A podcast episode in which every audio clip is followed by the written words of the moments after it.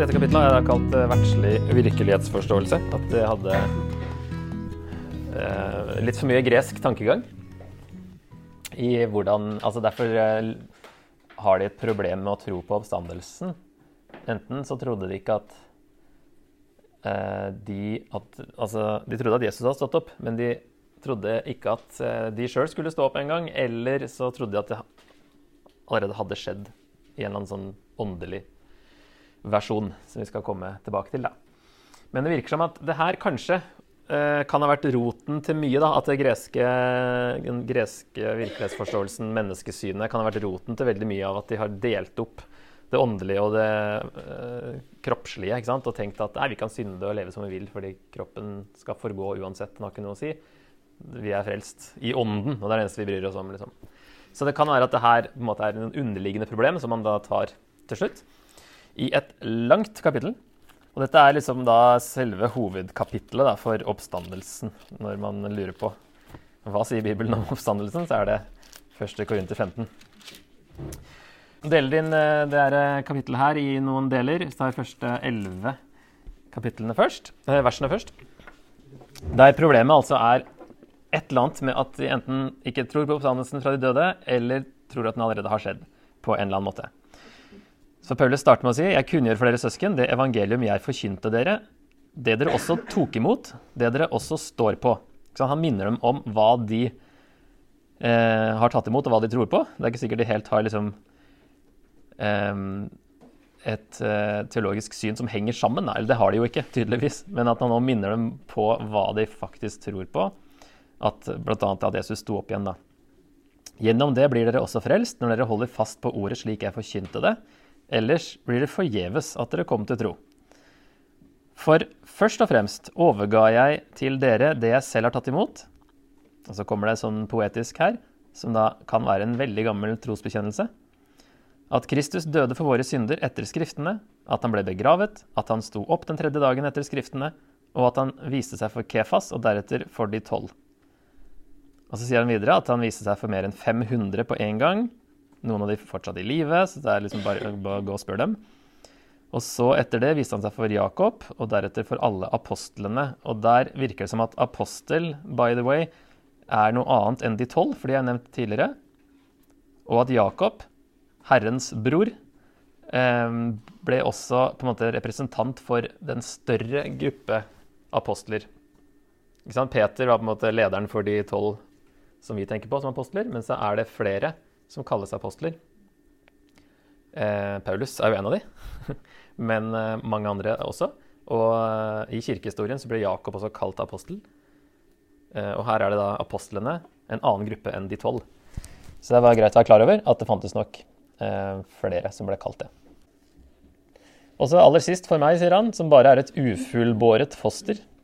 For jeg er den minste av apostlene. Jeg er ikke verdig til å kalles apostel, for jeg har forfulgt Guds kirke.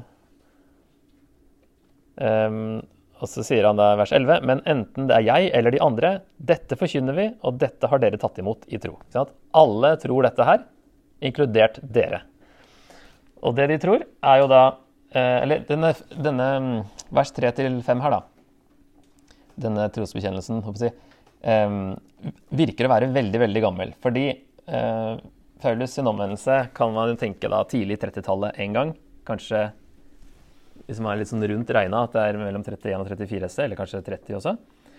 Og så sier han jo i Galaterne 1 at han var i Arabia i tre år, og før han møtte Peter og Jakob i Jerusalem. Og da fikk han kanskje denne her overlevert, da, som han sier. ikke sant? Jeg overga til dere det jeg selv har tatt imot. Men han har jo i Galaterbrevet argumenterer for at han kunne jo, Han forkynte jo allerede evangeliet han hadde fått direkte fra Jesus, sant? men her fikk han en, en formulering da, overgitt som han ga videre til korinterne. Og de er formulert som en bekjennelse, så de har fått sin form før Paulus overtok dette her, fire til sju år etter Jesu oppstandelse. Da, hvis vi bare plusser på tre år, da, på 31 til 34. Ikke sant, så får du jo 34 til 37. Um, så maks sju år etter. Men selv de kri mest kritiske forskerne sier at dette er eldre enn Paulus' omvendelse. Noen av dem sier det må være maks tre år etter Jesu oppstandelse. Noen mener seks måneder etter Jesus. Så, selv folk som ikke er kristne, mener at det her kan være ekstremt tidlig. Eh, ja, vanskelig å datere det, men noen de sier da kanskje bare et halvt år etter eh, oppstandelsen. Så det her, akkurat det sier, nei, Paulus sier her, det går langt tilbake. Og så sier han da noen ting som vi kan kikke litt på. At um, han døde for våre synder etter Skriftene. Finner vi det mange steder i Gammeltestamentet, at Jesus døde for våre synder? Eller at Messias skulle dø for våre synder? Det Jesaja, men det står jo liksom at han skal bli slått, og liksom at synden Ja. lå på han. Det er tydeligst der i Jesaja 53. Mm. Utenom det så sies det ikke tydelig at det er for våre synder. Det er mye snakk om at han skulle lide, egentlig, men det er litt skjult. Men at det er for våre synder, er absolutt tydeligst i Isaiah 53. Eh, mulig Paulus syns at det er nok, men han kan òg tenke litt større, som de ofte gjør, da, mer enn bare enkeltvers. At eh, hele historien, på en måte, med eksilet som kom pga. synd, og at det virker som måten Matteus f.eks. bruker dette med ramaskriket, som er fra Jeremia 31, som handler om når de går i eksil, bruker han om det på en måte at eksilet varte fram til Jesus. Eh, og Jesus får det liksom ut av det egentlige eksilet, ikke sant? som vi har sett. At eh, utgangen peker fram mot frelsen i Jesus. Så man kan tenke mye større på det, at Paulus så kanskje ikke baserer alt det her bare på Isaiah 53, men på en mye sånn mer helhetlig bibeltolkning, da. Og så sier han at eh, han sto opp, den tredje, eh, sto opp den tredje dagen etter Skriftene. Hvor sier Skriftene det? Kommer vi på noen steder? Det er litt flere steder her, men eh, de er kanskje ikke så kjent. Men Jesus nevner en sjøl. Han sier det skal ikke få noe annet tegn enn Jonategnet. ja. Det er den tydeligste. Så jeg har slengt på noen flere her. I Hosea 6,2 så snakkes det bare om at eh, eh, han gjør oss levende etter to dager. Den tredje dagen reiser han oss opp, så vi kan leve for hans ansikt. Men pga. det så hadde, hadde tredje dagen blitt en sånn frelsens dag. Eh, nesten. Um, Visstnok. Og så er det Jonah 2,1, ja, med at, eh, som Jesus siterer i Matteus 12. Slik eh, profeten Jonah var i buken på den store fisken i tre dager og tre netter, slik skal menneskesønnen være i jordens dyp i tre dager og tre netter. Så er det Salme 16, som siteres i Apostelens gjerninger 13. Der det står 'Du skal ikke la din hellige se forråtnelse', eller 'graven', som det står da i, på hebraisk. Og så sier eh, Det er vel Paulus som har den talen, er det ikke det? Eh, som sier at han eh, Eller er det Peter? Nå er jeg litt usikker. At eh, det er David som sier det her, men David døde jo. Altså må det her peke fram på Ja, det er Paulus. Må det peke fram på Messias. At det er egentlig Messias eh, det står, David var en tjener for Guds plan i sin levetid. Så døde han og ble forent med sine fedre. Og han så forråtnelse. Men han som Gud reiste opp, så ikke forråtnelse. Så det er liksom litt indirekte der, da. At David sier at eh, 'jeg skal ikke dø'. jeg skal ikke være i graven. Og så handler det egentlig ikke om David, men om Davids sønn. Og så Første Mosebok 22 eh, er jo når Abraham blir bedt om å ofre Isak.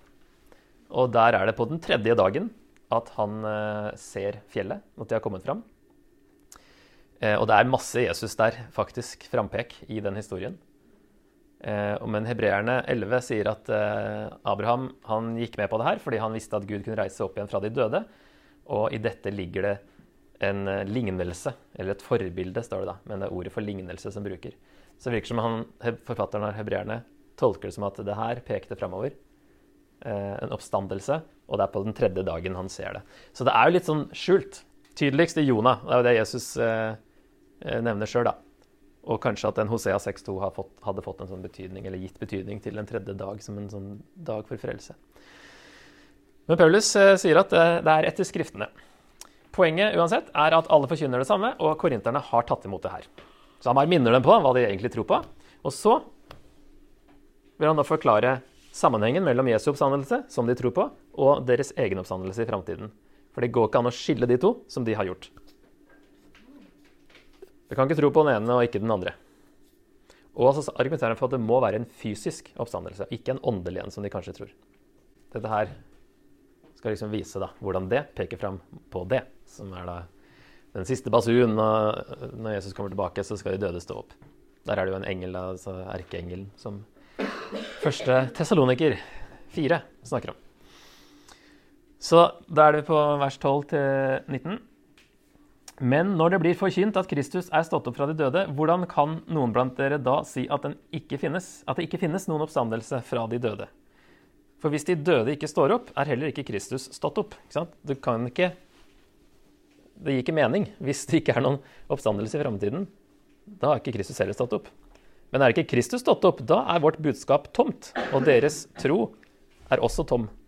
Da står vi som falske vitner om Gud, for da har vi vitnet imot Gud når vi sier at han har oppreist Kristus, noe han ikke har gjort hvis døde ikke står opp. Så det er en kjempesammenheng mellom det at døde står opp generelt. Jesus har stått opp som den første. Vi skal stå opp når han kommer tilbake. For hvis døde ikke står opp, er jo heller ikke Kristus stått opp. Det går ikke an at bare Jesus sto opp, sier Paulus. Men hvis Kristus ikke er stått opp, da er deres tro uten mening, og dere er fremdeles i deres synder. Da er også de fortapt som har sovnet inn i Kristus. Hvis vårt håp til Kristus gjelder bare for dette livet, er vi de ynkeligste av alle mennesker. Så eh, kan vi lure på da om de mente at oppstandelsen allerede hadde skjedd. Det er eh, et par i andre Timoteus som mener det. Eh, der er det også kanskje litt gnostisk eller tidlig gnostisk innflytelse. Um, 2. Timoteus 2, 17 og 18 står det Hymeneos og Filetos, som har forvillet seg bort fra sannheten, for de sier at oppstandelsen allerede har skjedd, og de bryter ned troen hos folk. Så det var noen som, som trodde det, og senere gnostikere mente også det. At uh, vi, sant, det vi så i Efeserne, at vi er satt i himmelen med Jesus, det er jo en åndelig oppstandelse. Og de mente at det er den omstandelsen det er snakk om. Vi skal ikke stå opp igjen fra de døde fysisk, for det er bare latterlig.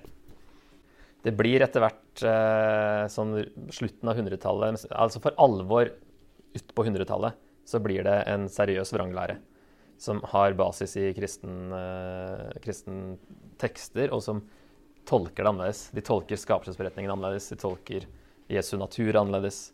Og de legger, altså, splitter veldig det åndelige og det fysiske. Går ikke an at Jesus var Gud som ble menneske, for det går ikke an at det åndelige, som er positivt, kan blandes med det fysiske, som er bare negativt. Målet var å bli fri fra kroppen, ikke sant? veldig gresk tankegang der, og måtte ha spesiell kunnskap, derav navnet gnosis, for å kunne bli frelst. Det var kunnskap som frelste deg. Og det er jo det her uh, Thomas evangeliet, Judas, Maria, Philip, alle de andre evangeliene, som sier at du er frelst på den måten. Er liksom noen, noen av de samme tankene her, da. Men i første Johannes brev så er det noen som har gått ut av menigheten. Og der virker det som at det er gnostikere som, eh, som har begynt å forkynne noe annet, og som får en helt annen teologi. Så hvis, Jesus, hvis vi tror at Jesus sto opp, som han har argumentert for, hvordan kan de da fornekte sin egen fremtidige oppstandelse? De henger veldig sammen, og det er helt avgjørende for den kristne tro at Jesus har stått opp fysisk. Uten Jesu oppstandelse og hva den betyr, er evangeliet tomt, sier han. Troen er meningsløst, og vi er de ynkeligste av alle. Så her alt står og faller på det. Eh, og som sagt, det må være en fysisk oppstandelse, og det er også ut fra hvordan ordet oppstandelse ble brukt den gangen. Eh, sitat her av N.T. Wright fra en bok som heter 'The Day the Revolution Began'. Så sier han på de ulike språkene på den tiden betydde ikke oppstandelse at Jesus, eller kanskje sjelen hans, hadde overlevd på et ikke-kroppslig vis. Det var akkurat det det ikke betydde. Det fantes ord for å beskrive en slik ikke-kroppslig overlevelse av døden. Ordet oppstandelse var annerledes. Det betydde et nytt kroppslig liv etter en periode med å ha vært kroppslig død. Så det ordet betyr fysisk oppstandelse. Eh, og det, Jesus må ha stått opp fysisk, ellers så er det ikke noe vits å tro på det vi tror på. Så det har jeg svart noen ganger når jeg har vært med på sånn Grill en kristen. Hva hadde overbevist deg om at du tar feil? Så er det sånn, Hvis man kan finne Jesu eh, si, skjelett og bevise på en eller annen måte at det er han, da eh, det ville vært bevis som ville få alt til å falle sammen. Men det tror jeg ikke de finner. ok, Men vi har noen alternative syn da, på Jesu oppstandelse, som da ikke vil, eh, Paulus vil være enig i. Nå husker jeg ikke hvor jeg har funnet de her hen, men det er noen reelle sitater som jeg googla meg fram til. Eh, om han ble bokstavelig reist opp fra de døde, er irrelevant fordi hans ånd lever videre, og det er det som gjør ham verdt å følge. Eh, hans etterfølgere blir selv oppreist til å være hans nye kropp, og derfor lever ånden hans videre. Vi er jo hans kropp, og så tenker man ja, det er det som er ment. Oppstandelsen, det er oss som er Jesu kropp. De som ikke tror at Jesus ble reist opp fra de døde, kan fortsatt feire Jesu oppstandelse som en metafor for ulydighet og motstand mot riket, altså mot verden. Ok, det her tror jeg Jehovas vitner, som uh, har et annet syn også, at det er åndelig oppstandelse bare. De sier da i 1. kor 15, 17 Altså Der står det, og så er de enig i det. Der står det hvis Kristus ikke er stått opp, da er deres tro uten mening, og dere er fremdeles i deres synder. Dette er korrekt, siden oppstandelsen gjorde det mulig for Kristus å bo i de troende og lede dem. Hvis han ikke hadde stått opp, kunne de ikke bli ledet, og, ikke, og ville fare vill. Men de tar ikke opp det her med synd, da. At det er fortsatt i deres synder, hvis han ikke har stått opp. Men de tolker noen andre vers òg inn og tenker at uh, det betyr at han sto åndelig opp. da. Så det er en forskjell. Ok, Jesus sjel den opplyste bevisstheten kunne ikke dø, og han hadde materialisert seg for disiplene like etterpå. De første kristne kjente kraften av hans oppstandelse. Det er fra filipperne, som Paulus skrev. Også vi har tilgang til den kraften. Visdom, lys og kjærlighet. Så det er noen andre, som de som ikke tror at Jesus sto opp eh, fysisk, vil da må si noe sånt som dette her. OK. Men det må være en fysisk oppstandelse. Tre hovedgrunner til at det må være en fysisk oppstandelse, er Ellers gjorde ikke Jesus det han sa han skulle gjøre, og da var han ikke den han ga seg ut for å være. Når han sier han skal stå opp igjen, og hvordan ordet ble brukt, at det var ment om en fysisk oppstandelse Jesus sa at det eh, skulle skje. Vi kan jo lese Matteus 16, 21.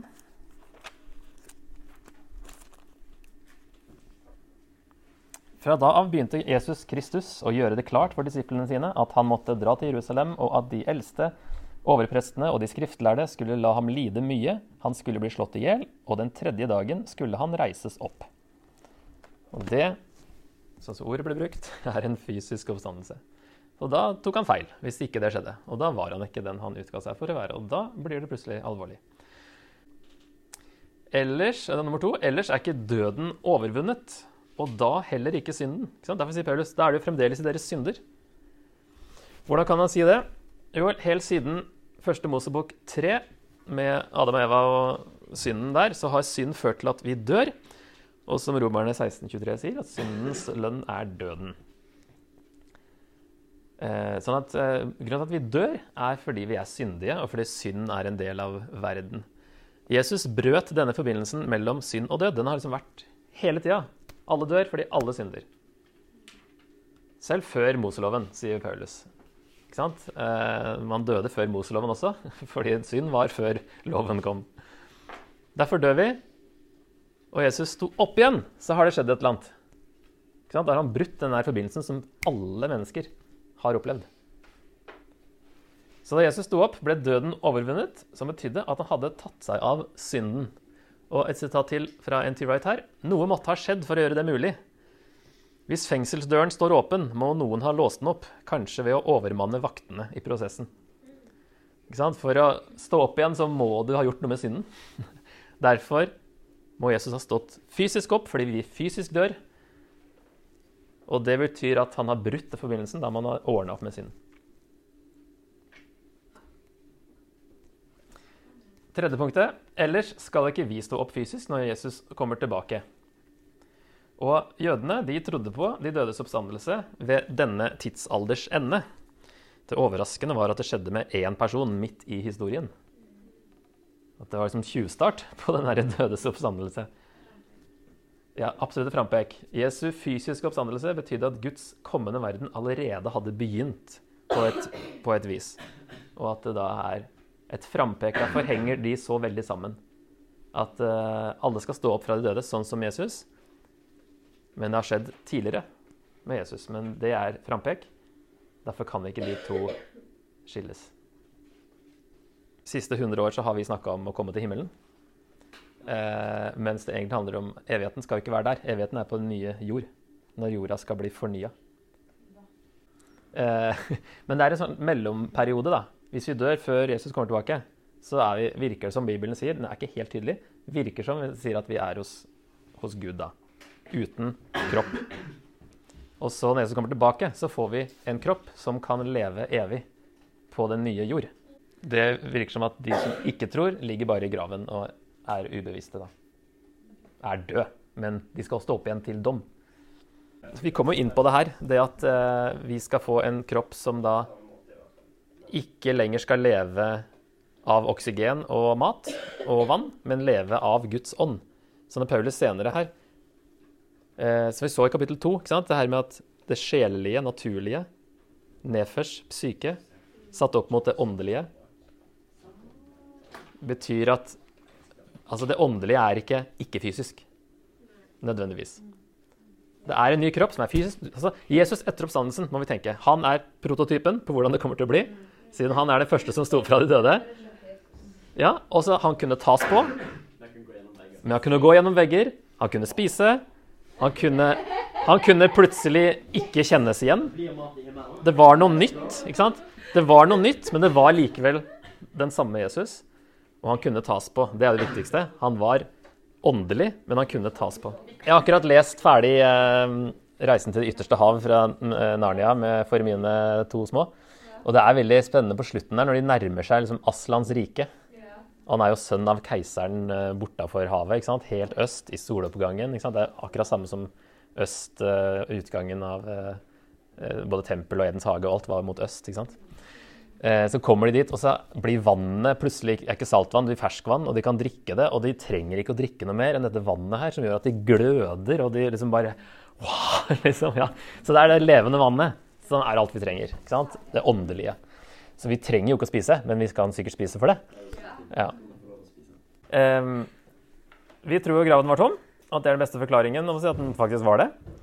Uh, et annet alternativ er at han da ikke døde.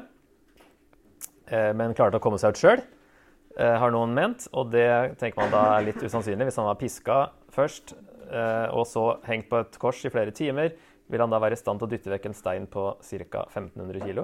Og ville soldatene tatt ham ned fra korset hvis de ikke var sikre på at han var død? Det var jo derfor de ikke brakk beina på ham, men sjekket ved å stikke et spyd i siden.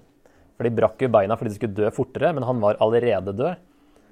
Altså Hvis du brekker beina, så klarer du ikke å holde deg oppe, og da, ikke, da synker du sammen, så får du ikke puste, og så dør du fortere.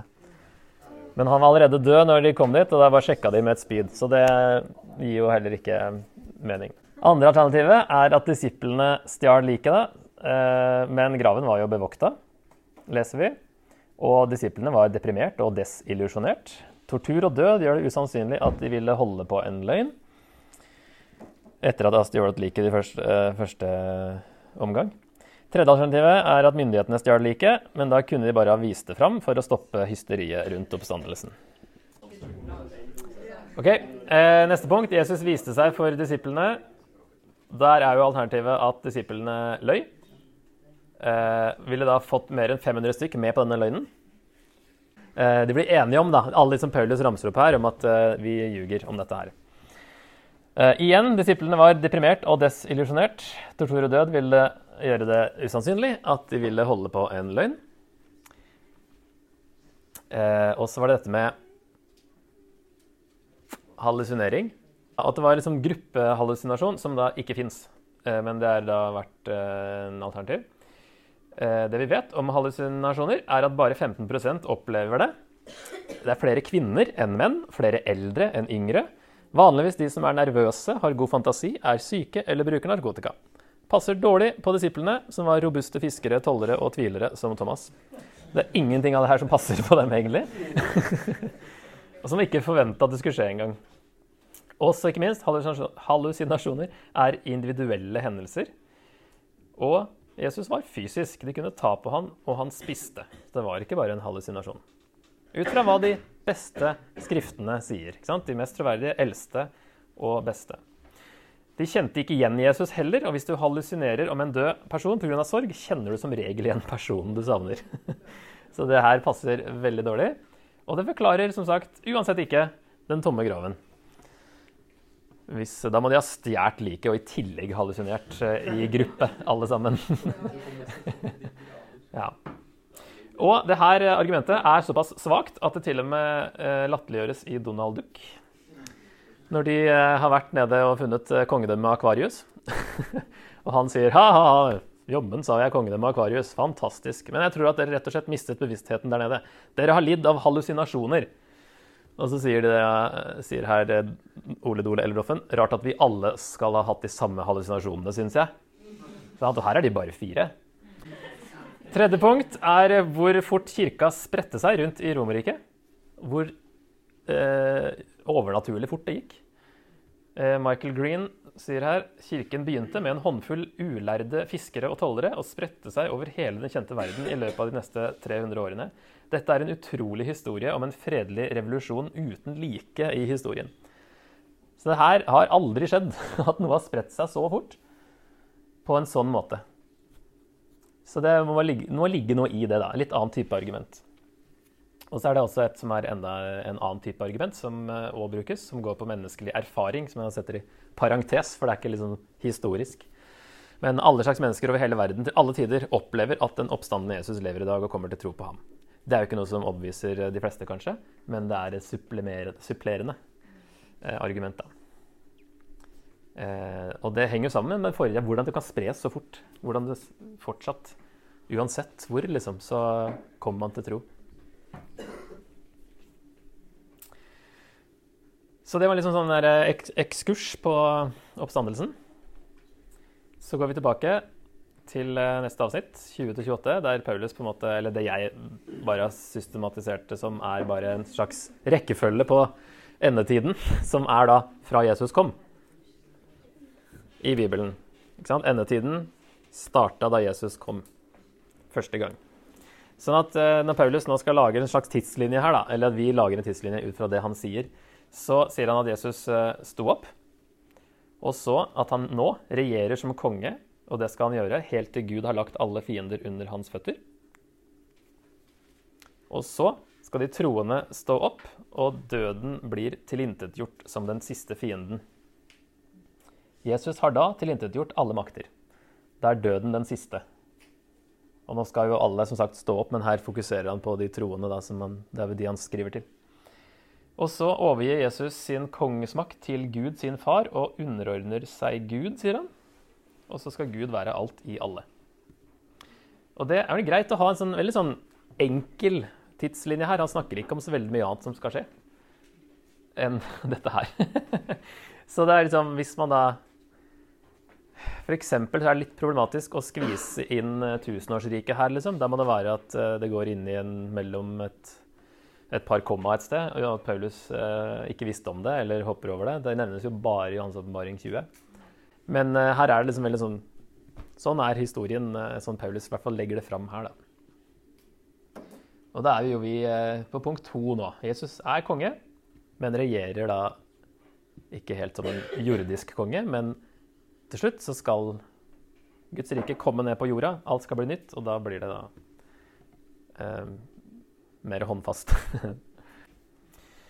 og så kommer han i neste versene noen flere argumenter for de dødes oppstandelse. I vers 29 at noen døper seg for de døde. Det er jo ikke noe poeng hvis de ikke skal stå opp. Hvorfor lar noen seg døpe for de døde? Hvis de døde ikke står opp, hvorfor lar de seg da døpe for dem? Ok, to uh, tolkninger her. Uh, vanligst å tenke da at det er trolig om kristne som ikke hadde rukket å bli døpt før de døde. Han anerkjenner ikke denne praksisen, men bruker det som et argument mot deres fornektelse av oppstandelsen. Nei, han gjør ikke det. Og det syns da de andre at det er uvanlig av Paulus å la dette passere. og tolker det da som for de døde og at kroppene deres er underforstått.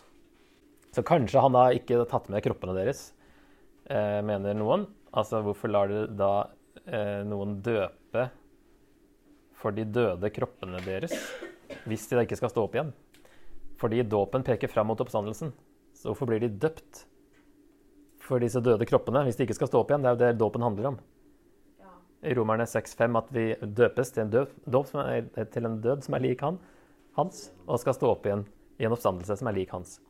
Så det er dåpssymbolikken, ikke sant? ned og opp igjen, er jo død med Jesus, stå opp med Jesus. Og da sier han det gir ikke mening, det, og da dere døper i det hele tatt. Hvis dere ikke eh, skal stå opp igjen.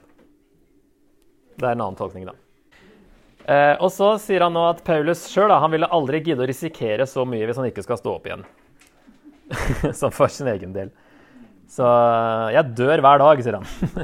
Det er like sant som at jeg er stolt av dere i Kristus Jesus. Og så eh, sier han, eller eh, vers 33 og 34, altså La dere ikke føre vill. Dårlig selskap ødelegger gode vaner. Det er et gammelt sitat som vi kan se i fotnotene av en eller annen uh, Nei, det står kanskje ikke hvem det er fra der. Jo. Menander, gresk dikter i det fjerde århundret før Kristus. Uh, våkne opp av rusen for alvor, og synd ikke. Noen av dere kjenner ikke Gud. Det er en skam for dere at jeg må si det. Så her har vi Andrew Wilson. Han sitter, kommenterer dette er fint, syns jeg. Verdslige vaner, verdier og praksiser holder på å komme inn i menigheten. Kulturelt, seksuelt, juridisk, liturgisk og teologisk. Og selv i forsamlingen er det noen som ikke kjenner Gud, til menighetens skam. Altså hans versjon da, av surdeig som sprer seg, eller litt mugg, sprer seg gjennom osten. Dårlige venner korrumperer god karakter. Korinterne må komme tilbake til sans og samling og stoppe med å synde. Så er det, liksom, ja, det er eh, en litt sånn oppsummerende liksom, Skjerp dere, da! Våkne opp av rusen for alvor, og synd ikke. Og så kommer neste spørsmål, vers 35. Men nå vil vel noen si, hvordan står de døde opp? Hva slags kropp har de? Så det er jo når vi kommer til det. da. Det er en ganske lang del her, 35 til 50 om hvordan denne kroppen skal være. Hva slags kropp har de døde som står opp? Og Da lager han en sammenligning som jeg har lagd i et skjema her da, mellom den jordiske kroppen og den himmelske kroppen. Så denne kroppen vi har nå, den er eh, forgjengelig. Eh, sådd i forgjengelighet står opp i uforgjengelighet. Det skal ikke gå til grunne, sier han i vers 42 og 50. Og nå er det vanære, men det vil bli herlig glans. Han snakker om at det blir sådd. Om, metaforen er jo å så et korn som blir til en plante. Og man tenkte at kornet døde. Så man drar inn her da, ikke sant? at vi skal dø, men vi skal stå opp igjen. Så når kornet liksom døde, så ble det jo til en plante som var, hadde en forbindelse til kornet, men var liksom noe helt annet. Så Det er den metaforen han bruker. Det er en forbindelse, men det er liksom også kjempekontrast. At det er, ja, det er en forbindelse med, mellom frø og plante, men det er likevel, planten er noe helt annet enn frøet. Jeg tror Det kommer noe etter hvert her tror jeg, som kanskje sier det samme. Svakhet eh, gjelder nå denne jordiske kroppen, en eh, kraft i den nye. Og så er det denne kontrasten med naturlig eller sjelelig da, mot åndelig, i vers 44-46 spesielt. Vi kan lese akkurat de, i hvert fall. Um, det blir sådd en kropp som hadde sjel, står det her da. Det står opp en åndelig kropp. ikke sant? Det er det samme som vi så i kapittel 2. Med at sjel betyr bare et naturlig menneske. Denne, den kroppen vi har nå. Um, om det finnes en kropp med sjel, finnes det også en åndelig kropp. For slik står det skrevet, det første mennesket, Adam, ble en levende sjel. Den siste Adam ble en ånd som gir liv. Det åndelige var altså ikke det første, men det sjelelige. Deretter kom det åndelige. Ja, jeg vet ikke om det blir så mye klarere, men i hvert fall der han snakker om det. Dette, denne kroppen er av jord, sier han, og den andre kroppen er av, av himmelen. 47, 48. Det første mennesket var fra jorden, altså som Adam, da, og skapt av jord. Det andre mennesket er fra himmelen. Slik det første jordiske mennesket var, slik er også de andre jordiske. Vi er som Adam. Og slik den himmelske er, altså Jesus, slik skal også de himmelske være, alle som skal dit. Skal få en kropp som Jesus fikk etter oppstandelsen. Bare tenk Jesus etter oppstandelsen. Det er det vi har å forholde oss til. Hvordan var Jesus etter oppstandelsen? Og den skal være som Jesus, for han er den første som har gjort det. Så kanskje de trodde at det var den jordiske kroppen som skulle stå opp igjen, og hadde problemer med å akseptere dette. Spesielt ut fra gresk eh, tankegang. Da så var det veldig vanskelig. Og så må Paus forklare at det er ikke sånn. Eh, og så har vi jo snakka om at åndelig ikke er det samme som ikke-fysisk, som i kapittel 2, vers 14 og 15. Jesus var fysisk etter oppstandelsen. At den åndelige kroppen er ikke laget av ånd, Sånn som den naturlige eller psykiske kroppen ikke er laget av syke. Det er ikke hva man er lagd av, men det er hva man lever av heller, da. Som er eh, kontrasten han lager her. Jeg lar Andrew Wilson svare her. Min fremtidige kropp er for min nåværende kropp det et eiketre er for en eikenøtt. Det er noe av det samme som Paulus sier da. Identifiserbart den samme, men større i en ufattelig grad. Altså det er, altså Vi ser på Jesus igjen. Jesus etter oppstandelsen. De kunne kjenne han igjen, de kunne ikke kjenne han igjen. Det er Jesus, men det er noe helt nytt. Kroppen vår dør jo, og når vi står opp igjen, så er det en Det er oss, men det er i en uh, utrolig oppgradert versjon. Med en kropp, en annen type kropp. Si det helt korrekt, så er det vel, er det vel at kroppen, den døde, råtna Det vil si skjelettet ditt, hvis det i hele tatt er igjen det, vil jo stå opp igjen, men er, det blir borte. da, og Den står opp, men er ikke en del av den nye kroppen. Uh, det er et eller annet som skjer der, som Gud ordner. men, de som, de, de som, har blitt kremert òg, da. Det er ikke noe problem å kremeres sant? for Gud. For det er, ikke noe, det er ikke umulig for Gud å få de kremerte til å stå opp igjen hvis de er troende. Sant? OK, vi ser et, et kort klipp til. Det sitatet her da, fra norske på norsk, så sier han da at det betyr at selv om heksa kjente til den dype magien, er det en enda dypere magi som hun ikke kjenner til. Hennes kunnskap går bare tilbake til tidenes morgen, men hvis hun kunne ha sett litt lenger tilbake, inn i stillheten og mørket før tidenes morgen grydde, ville hun der ha lest en annen besvergelse. Hun ville ha visst at når et villig offer som ikke hadde begått noe forræderi, ble drept i en forræders sted, ville bordet sprekke, og selve døden ville begynne å virke baklengs. Og det er jo akkurat det Paulus sier her. Døden er oppslukt. Vers 54-55. Seieren er vunnet. Død, hvor er din brodd? Død, hvor er din seier? Og jeg tar med enda et sitat av Andrew Wilson, jeg. Ja. Døden, munnen som svelger alt og aldri blir mett, vil selv bli slukt i seier. Så derfor, siden Jesus sto opp, så er budskapet vårt ikke tomt så er troen vår ikke uten mening, den er full av mening. Så er vi ikke fortsatt i våre synder. Så er de som har dødd i troen, ikke fortapt. Vi skal se dem igjen. Og siden Jesus sto opp, så er vårt håp til Kristus ikke bare for dette livet, men for alltid. Og så um, tar vi veldig fort kapittel 16.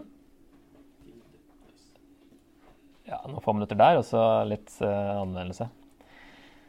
Uh, først snakker han om innsamlingen til de kristne i Jerusalem. Uh, som han nå nevner tydeligere i Romerne 15, at det er til de i Jerusalem. ja, så i vers 3 også, da. sende dem til Jerusalem med gaven. Men han holder på i lang tid å samle inn penger fra de hedningkristne menighetene, som da skal gi til menighetene i Jerusalem der det er sult og de trenger det. Eh, så kommer vi tilbake til det i andre korinterbrev, i kapittel 8 og 9. To kapitler som handler da om denne innsamlingen. Så plutselig, plutselig begynner å snakke om det, og så tilbake igjen til det han egentlig snakker om. Så eh, han holder på med det mange år. Så det snakker han om, at de skal forberede seg på det.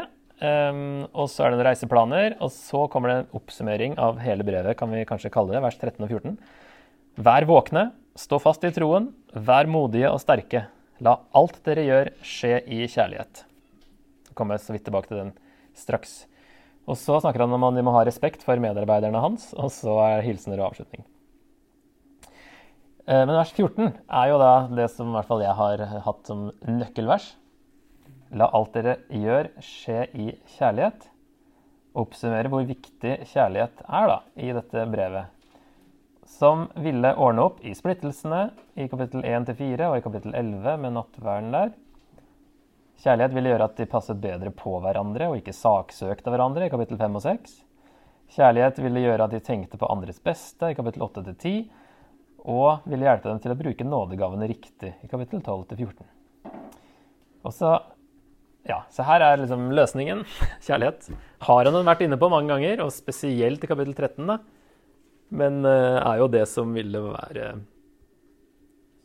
uh, det de trenger mest, kanskje. Og nå er jo kjærligheten også eh, på en måte, som vi om da, kapittel 13, er jo Jesus eh, sin karakter som kommer fram der. Så det å uh, følge Jesus eh, bli prega av han, og ikke bli prega av menneskelig selvsentrerthet, eh, vil jo løse veldig mye av det her som de sliter med. Elske hverandre, sånn at verden ser at dere er mine disipler, sier Jesus. Eh, det er det viktigste. Og så kan vi hente opp det vi starta med også. eh, Dette med verdsligheten. Det var det en annen Andrew, Andrew Fellows, som hadde skrevet denne boka uh, 'Smuggling Jesus Back into the Church'. Hvordan, verden, eh, hvordan kirka ble verdslig, og hva skal vi gjøre med det?